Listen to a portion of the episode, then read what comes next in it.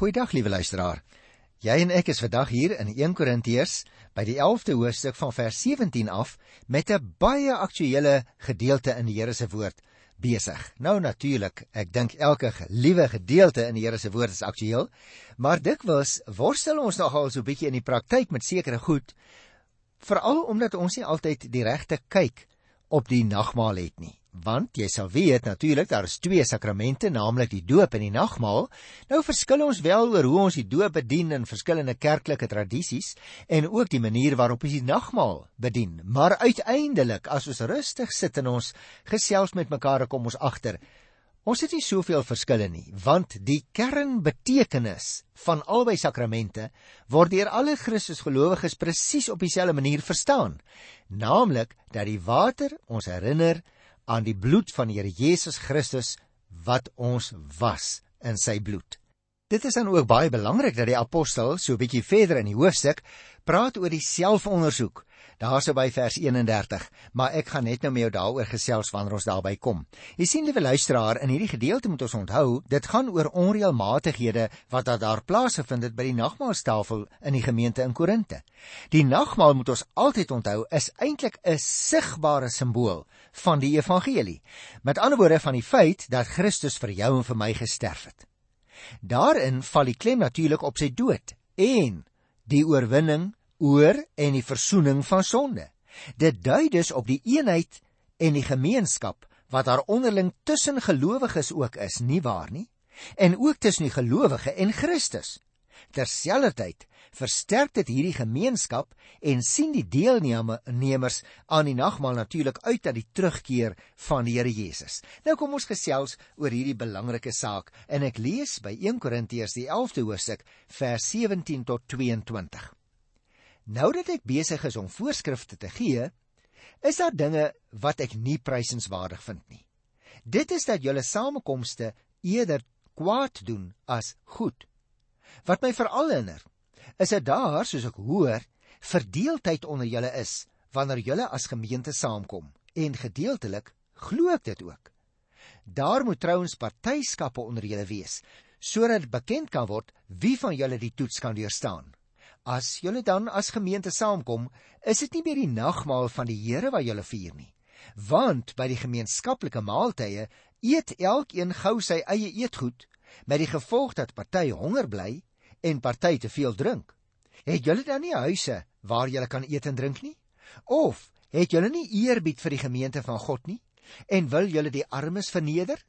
Wat moet ek vir julle sê? Moet ek julle prys? Hieroor kan ek julle nie prys nie. Nou liewe luisteraar, in aansluiting by die voorskrifte wat hy in die vorige verse gegee het en wat ons die vorige program behandel het, in verband met die gedrag van die vrou in die gemeente, handel Paulus nou hier oor die samekomste van die gemeente. Hy kan hulle wat dit betref, so sê hy, nie prys nie. Dit was naamlik in daardie tyd die gebruik in die ou Christelike kerk dat die gemeente dikwels die hoofmaaltyd van die dag saam geniet het. Elkeen het dan sy eie kos saamgebring. Gewoonlik het die vermoëndes ekstra kos saamgebring om aan die behoeftiges wat gewoonlik die slawe was, te gee. En so is die barmhartigheidsdiens ook sommer beoefen. Op die saam eet het dan gewoonlik die viering van die nagmaal gevolg. So jy moet baie mooi oplet as jy hierdie gedeelte lees. Dit gaan nie hier net suiwer oor die gebruik van die nagmaal nie. Dit gaan hier ook oor saam eet geleenthede. Ongelukkig is hierdie wat hulle genoem het liefdesmaaltye bederf deurdat daar kliekvorming plaasgevind het. En dit is ook in ons tyd nogal 'n baie groot gevaar in gemeentes, nie waar nie? Waarskynlik, so wil dit lyk, het die rykes eenkant gaan sit terwyl die behoeftiges aan hulle self oorgelaat is en dikwels nie genoeg gekry het om te eet voordat hulle weer die middagskof moet aanpak nie. Op dië manier het die saamkom en saam eet eerder die gemeente benadeel as wat dit die gemeente opgebou het. Paulus stel dit dan ook dat as dit vir die lidmaat bloot gaan om die eet en nie ook om die gemeenskapsbeoefening nie, moet hulle maar liewer by die huis eet sê hy. Ook kan die nagmaalsviering nie volg op so 'n kliekvorming by die liefdesmaaltyd nie. Paulus gee dus toe dat verskil van opvatting in die gemeente ook nodig is sodat die standvastiges onderskei kan word. Maar kliekvorming openbaar gebrek aan eerbied vir die gemeente van die Here. Dit is dus duidelik, liewe luisteraar, in die vroeë gemeentes het die lidmate saamgekom en 'n gemeenskapsmaaltyd geniet. En eers daarna het hulle gewoonlik die nagmaal gevier. In Korinte het die gemeenskapsmaaltyd ontaard in 'n eetery en 'n drinkery in plaas van 'n stemmige voorbereiding vir die nagmaal. Daarom herinner die apostel nou die lidmate van die ware betekenis van die nagmaal. Kom ons lees nou verder vers 23 tot by vers 25. Ek het van die Here ontvang wat ek ook aan julle oorgelewer het. Die Here Jesus het in die nag waarin hy oorgelewer is, brood geneem en nadat hy God daarvoor gedank het, het hy dit gebreek en gesê: "Dit is my liggaam. Dit is vir julle. Gebruik dit tot my gedagtenis." Net so ook het hy na die maaltyd die beker geneem en gesê: "Hierdie beker is die nuwe verbond wat deur my bloed beseël is. Gebruik dit elke keer as jy daaruit drink tot my gedagtenis." Nou sê ek kon vra, broer Johan, eh, wat beteken die nagmaal? Ek het so rukkie gelede 'n briefie in die verband gehad en het ek ook kortliks uh, daarop gereageer, maar kom ons gesels daaroor. Ons moet in die eerste plek onthou, liewe luisteraar, die vroeë kerk het onthou wat Jesus met Paasfees vir sy disippels gesê en geleer het omtrent die nagmaal. Gaan kyk maar in Lukas 22 daarvan die 13de vers is dit presies woordeliks opgeteken. Nou, net soos Paasfees die Israeliete se bevryding uit Egipte moes herdenk, herdenk jy en ek met die nagmaalsviering ons verlossing van die sonde deur die dood van Christus. Daar word verskeie betekenisse geheg aan die woorde dit is my liggaam deur verskillende kerklike sienings. Sommige mense glo byvoorbeeld dat die wyn en brood regtig die liggaam van Christus en sy bloed word. Ander glo weer dat die brood en die wyn slegs simbole van sy liggaam en sy bloed is. Ons moet onthou, liewe luisteraar, alle Christusgelowiges stem daaroor saam dat gemeenskap met God deel is van die nagmaalsviering. Die kern daarvan is dus die herinnering dat ons sondes vergewe is en dat die Here Jesus Christus terugkeer. Omdat daar nou so nou verband tussen die liefdesmaaltye van destyds en die nagmaal bestaan het, is dit begryplik waarom die apostel so sonder oorgang oor die nagmaal begin praat. Tog is daar ook 'n ander oorweging lyk dit vir my by die apostel. Teenoor die selfsugtige kliekvormingsgees wat by die liefdesmaaltye na vore gekom het, word deur die herhaling van die instellingswoorde van die nagmaal die gemeente onder die indruk gebring van die liefdevolle en die gemeenskapstigtende offer van die Here Jesus Christus. Die klieke palm in. Christus gee. Met ander woorde, by kliekvorming kyk jy net na binne. As jy na die Here Jesus kyk, dan leer dit jou om weg te kyk na jouself van jouself af en na hom te kyk en wat hy vir jou gedoen en gegee het. En dit lyk vir my dat op hierdie manier die apostel die gemeente vermaan. Dit is ook teen hierdie agtergrond waar hy dus nie 'n breë uiteensetting noodwendig van die nagmaal wil gee nie. Hy self verklaar dat hy dit wat hy skrywe van die Here ontvang het. Nou dit is 'n baie interessante opmerking, liewe luisteraar, miskien moet ek daaroor net 'n paar opmerkings maak. Want as jy mooi dink, dan gaan jy dadelik vir my sê, "Ah, broer Jan, maar Paulus was mos nie by met die instelling van die nagmaal nie." Hoe het hy dit geweet? Hoe het hy presies geweet wat daar gebeur het? Nou daar is sommige skrifverklaarders wat sê die apostel het 'n openbaring van God self ontvang ten opsigte van wat daar gebeur het. Natuurlik is dit moontlik. Maar weet jy, liewe luisteraar, die meer aanvaarbare siening lyk vir my dit. Dat die disippels wat daardie aand in Jerusalem teenwoordig was by die Paasfeesgeleentheid, toe die Here Jesus ook aan tafel besig was met die Paasfees. Saam met sy disippels het hy by daardie geleentheid die nagmaal ingestel. En dat hulle na die tyd dit vertel het vir hulle medegelowiges. En daardie getuienis van die disippels wat teenwoordig was, het soveel gesag gedra dat dit aanvaar is as sonder fout. Met ander woorde, as die apostel hierso sê wat hy van die Here af ontvang het, dan verwys hy heel waarskynlik na die mondelinge oorlewering van daardie disippels wat teenwoordig was by die instelling van die eerste nagmaal en dat hy dit onvoorwaardelik as gesagvol aanvaar het. En dit tussen hakies wil ek net vir jou sê, is waarom die getuienis van een Christen teenoor ander mense soms selfs meer gewig dra as prediking. Want dan kom staan iemand voor jou en hy sê vir jou hoe hy self die werk van die Here Jesus Christus deur sy gees in sy of haar persoonlike lewe ervaar en belewe het. En as iemand vir jou sy hart oopmaak en hy sê dit is my stukkie getuienis, hoe die Here met my persoonlik gewerk het, dan kan jy tog nie vir hom sê man jy lieg, dit is dit kan nie so gebeur nie. En daarom moet ons nooit die getuienis wat soms ook in eredienste in die meeste gemeentes deesdae gelewer word, moet ons nooit daardie stukkies getuienis geringskat nie. Die instellingswoorde, kom ek gaan aan, uh wat ons hier kry wat die Here Jesus gesê het daardie aand, word op vier verskillende plekke in die Bybel gegee. Byvoorbeeld hier en dan ook natuurlik in Matteus en Markus en ook in Lukas. Interessant. Die vermelding hier, liewe luisteraar, is die oudste skriftelike getuienis van die instellingswoorde van die nagmaal. Hoekom sê ek dit? Omdat ek al van tevore vir jou gesê het, die briewe van die apostel Paulus het op skrif gekom nog voordat die evangelies op skrif was. Daarom verwys hy hier na 'n mondelingse oorlewering wat hy so ernstig opgeneem het dat hy gesê het die Here het dit vir my gegee ek het dit van die Here ontvang die woorde van Paulus en die van die uh, evangelis Lukas stem grootliks woordeliks ooreen blykbaar as gevolg van die noue kontak tussen Paulus en Lukas volgens die Handelinge boek Ek wil ook nog 'n graag 'n opmerkingie maak oor die 25ste versie wat ons gelees het. Ek moet dit miskien net weer lees. Net so ook het hy na die nagmaal die beker geneem en gesê hierdie beker is die nuwe verbond wat deur my bloed beseël is. Gebruik dit elke keer as jy daaruit drink tot my gedagtenis.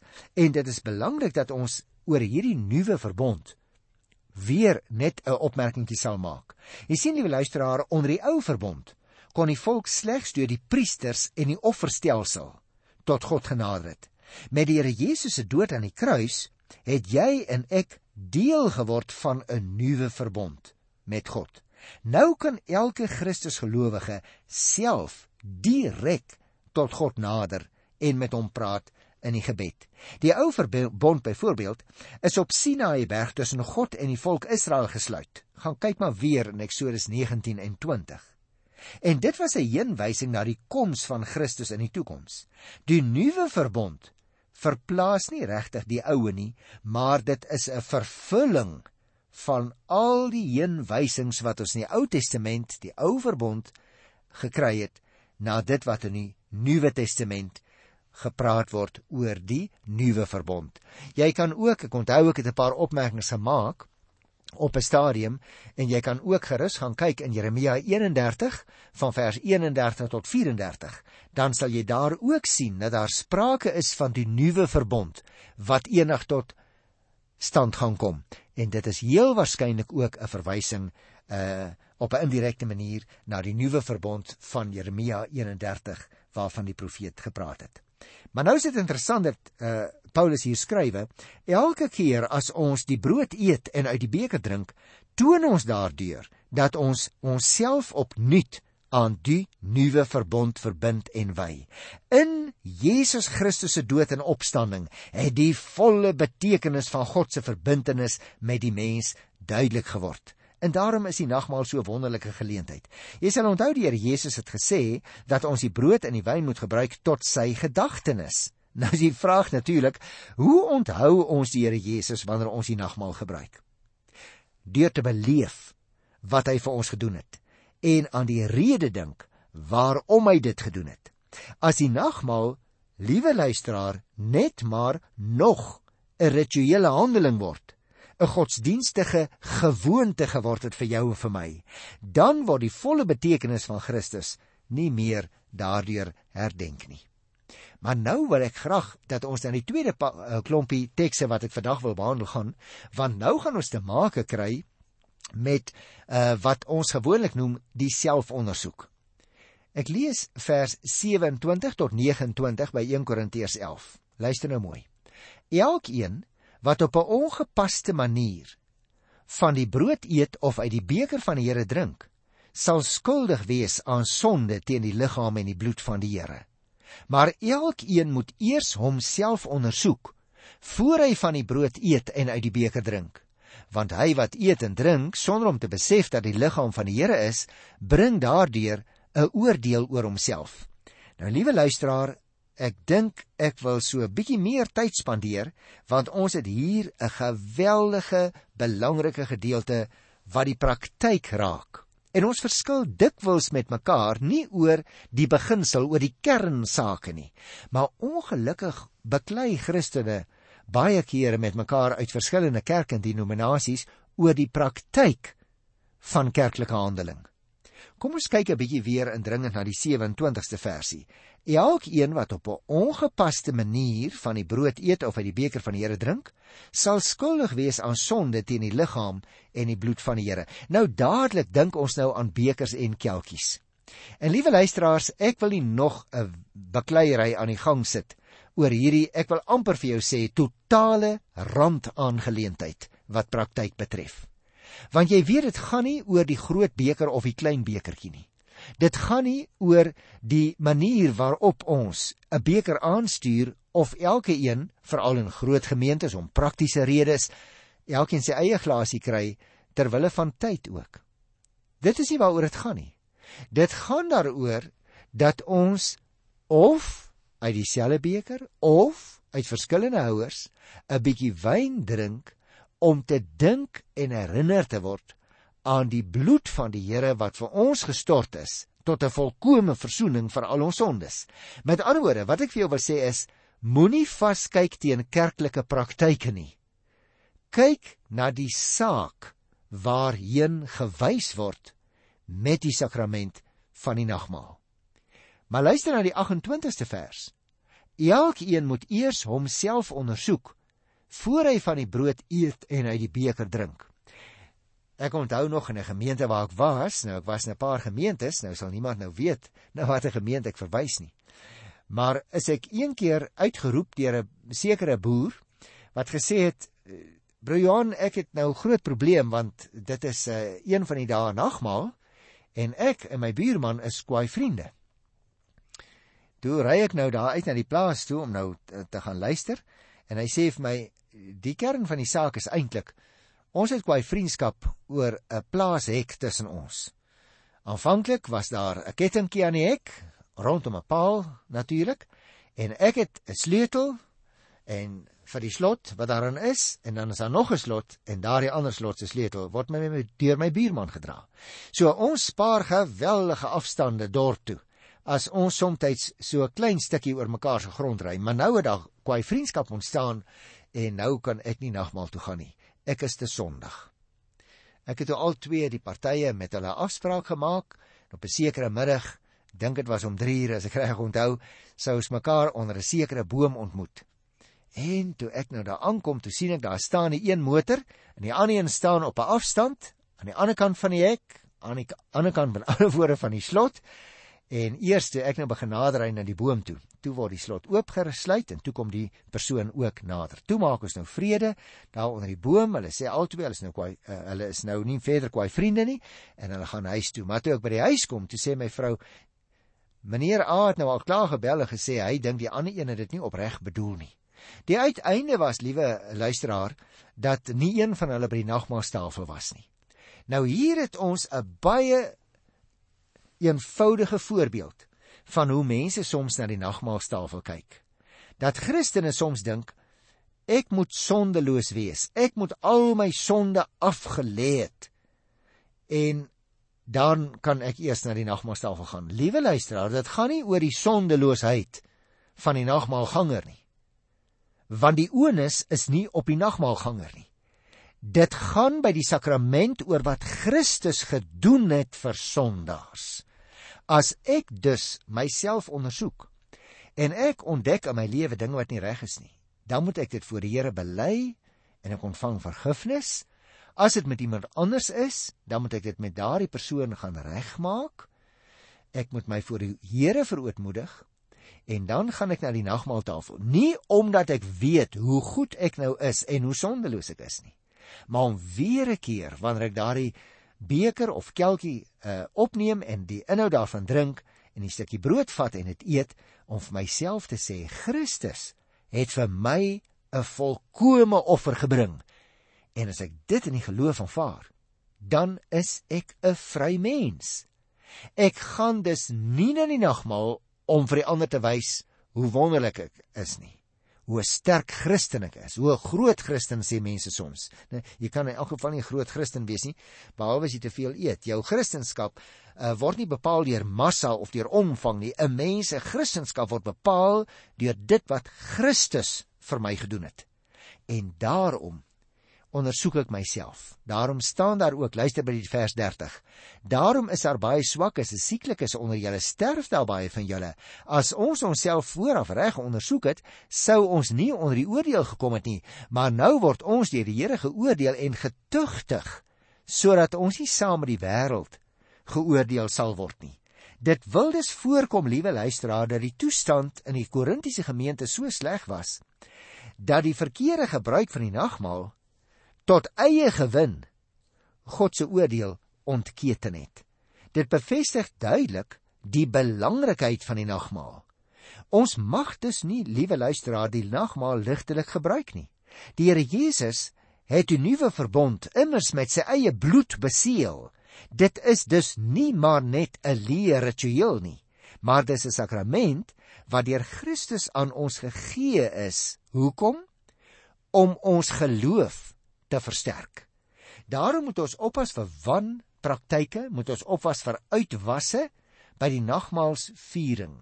Maar liewe luisteraar, mag ons nooit so oor die tafel waak soos ons soms sê dat die persoon wat aan die Here Jesus glo bang word om nagmaal te gebruik nie. Die nagmaal is nie 'n nare polisieman met wie ons die ander wil verskrik nie. Die nagmaal is juis die punt van uitnodiging om mense wat in Christus glo na die Here Jesus te nooi. Om selfs by geleentheid te sê as hier iemand is wat nie in die Here Jesus Christus glo nie.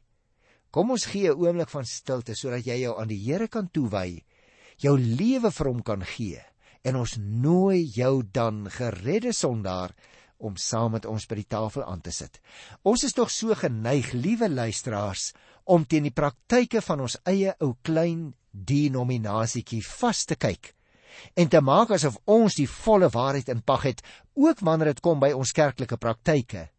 Die nagmaal sê ons nie, as ek dit nou vir die laaste keer vandag mag sê, hoe goed ons is nie. Die nagmaal herinner ons ons is sondaars en Christus het vir ons betaal Daarom mag ons met blydskap en met vrymoedigheid as ons dit raak gesien het in onsself ondersoek wat hy vir ons beteken omdat ons nie self kon betaal nie het hy vir ons betaal om dan met vreugde en blydskap na die nagmaaltafel aan te stap ons plek in te neem en die Here van harte te dank vir dit wat hy vir ons gedoen het. Nou wil ek afsluit met vers 33 en 34 luister Daarom my broers, en ek neem aan dit was ook nou maar deel van die kultuur van daardie tyd. Daarom neem ek aan en ek is seker daarvan dit geld ook vir die susters. Daarom my broers en susters, as julle saamkom om die nagmaal te gebruik, wag vir mekaar. As een van julle honger is, moet hy liewer by die huis eet, sodat julle nie 'n oordeel oor julle bring as julle saamkom nie. Die ander sake reël ek wanneer ek daar kom. Hy sê met ander woorde, Julle het die gewoonte om saam te eet en dan daarna nagmaal te gebruik. Maar nou gedra julle julle regtig so sleg as Christene. Julle sit daar in verskillende groepe. Julle gee nie vir die armes genoeg kos nie. Julle eh, rykes en julle armes verskil van mekaar. Daar's partyskappe en dan dink julle Julle kan op die nagmaal gaan aansit en alles is maar net in orde. Daarom, liewe luisteraar, bestaan die selfondersoek ook daarin. Dat jy en ek voor dit al nagmaal is, 'n week, 3 weke, elke dag van ons lewe, ons harte en ons praktyke sal ondersoek. Vir onsself afvra deur my optrede teenoor ander mense. Bevorder ek die evangelie? Bevorder ek partyskappe met my geskinder of bou ek ander mense deur my liefdevolle opbou en inbou in hulle lewens. Nooi ek hulle ook soms saam na die tafel van die Here toe en stap ons daarin as mense wat ons heil in Christus vind en nie net ons eie derms aan mekaar uitkrap en uitgrawe en uitreig in ons sieklike selfondersoek nie. Ons selfondersoek bring ons juis aan die voete van die Here Jesus Christus wat vir ons betaal het. Ek groet jou dan ook in sy wonderlike naam tot volgende keer. Tot dan. Totsiens.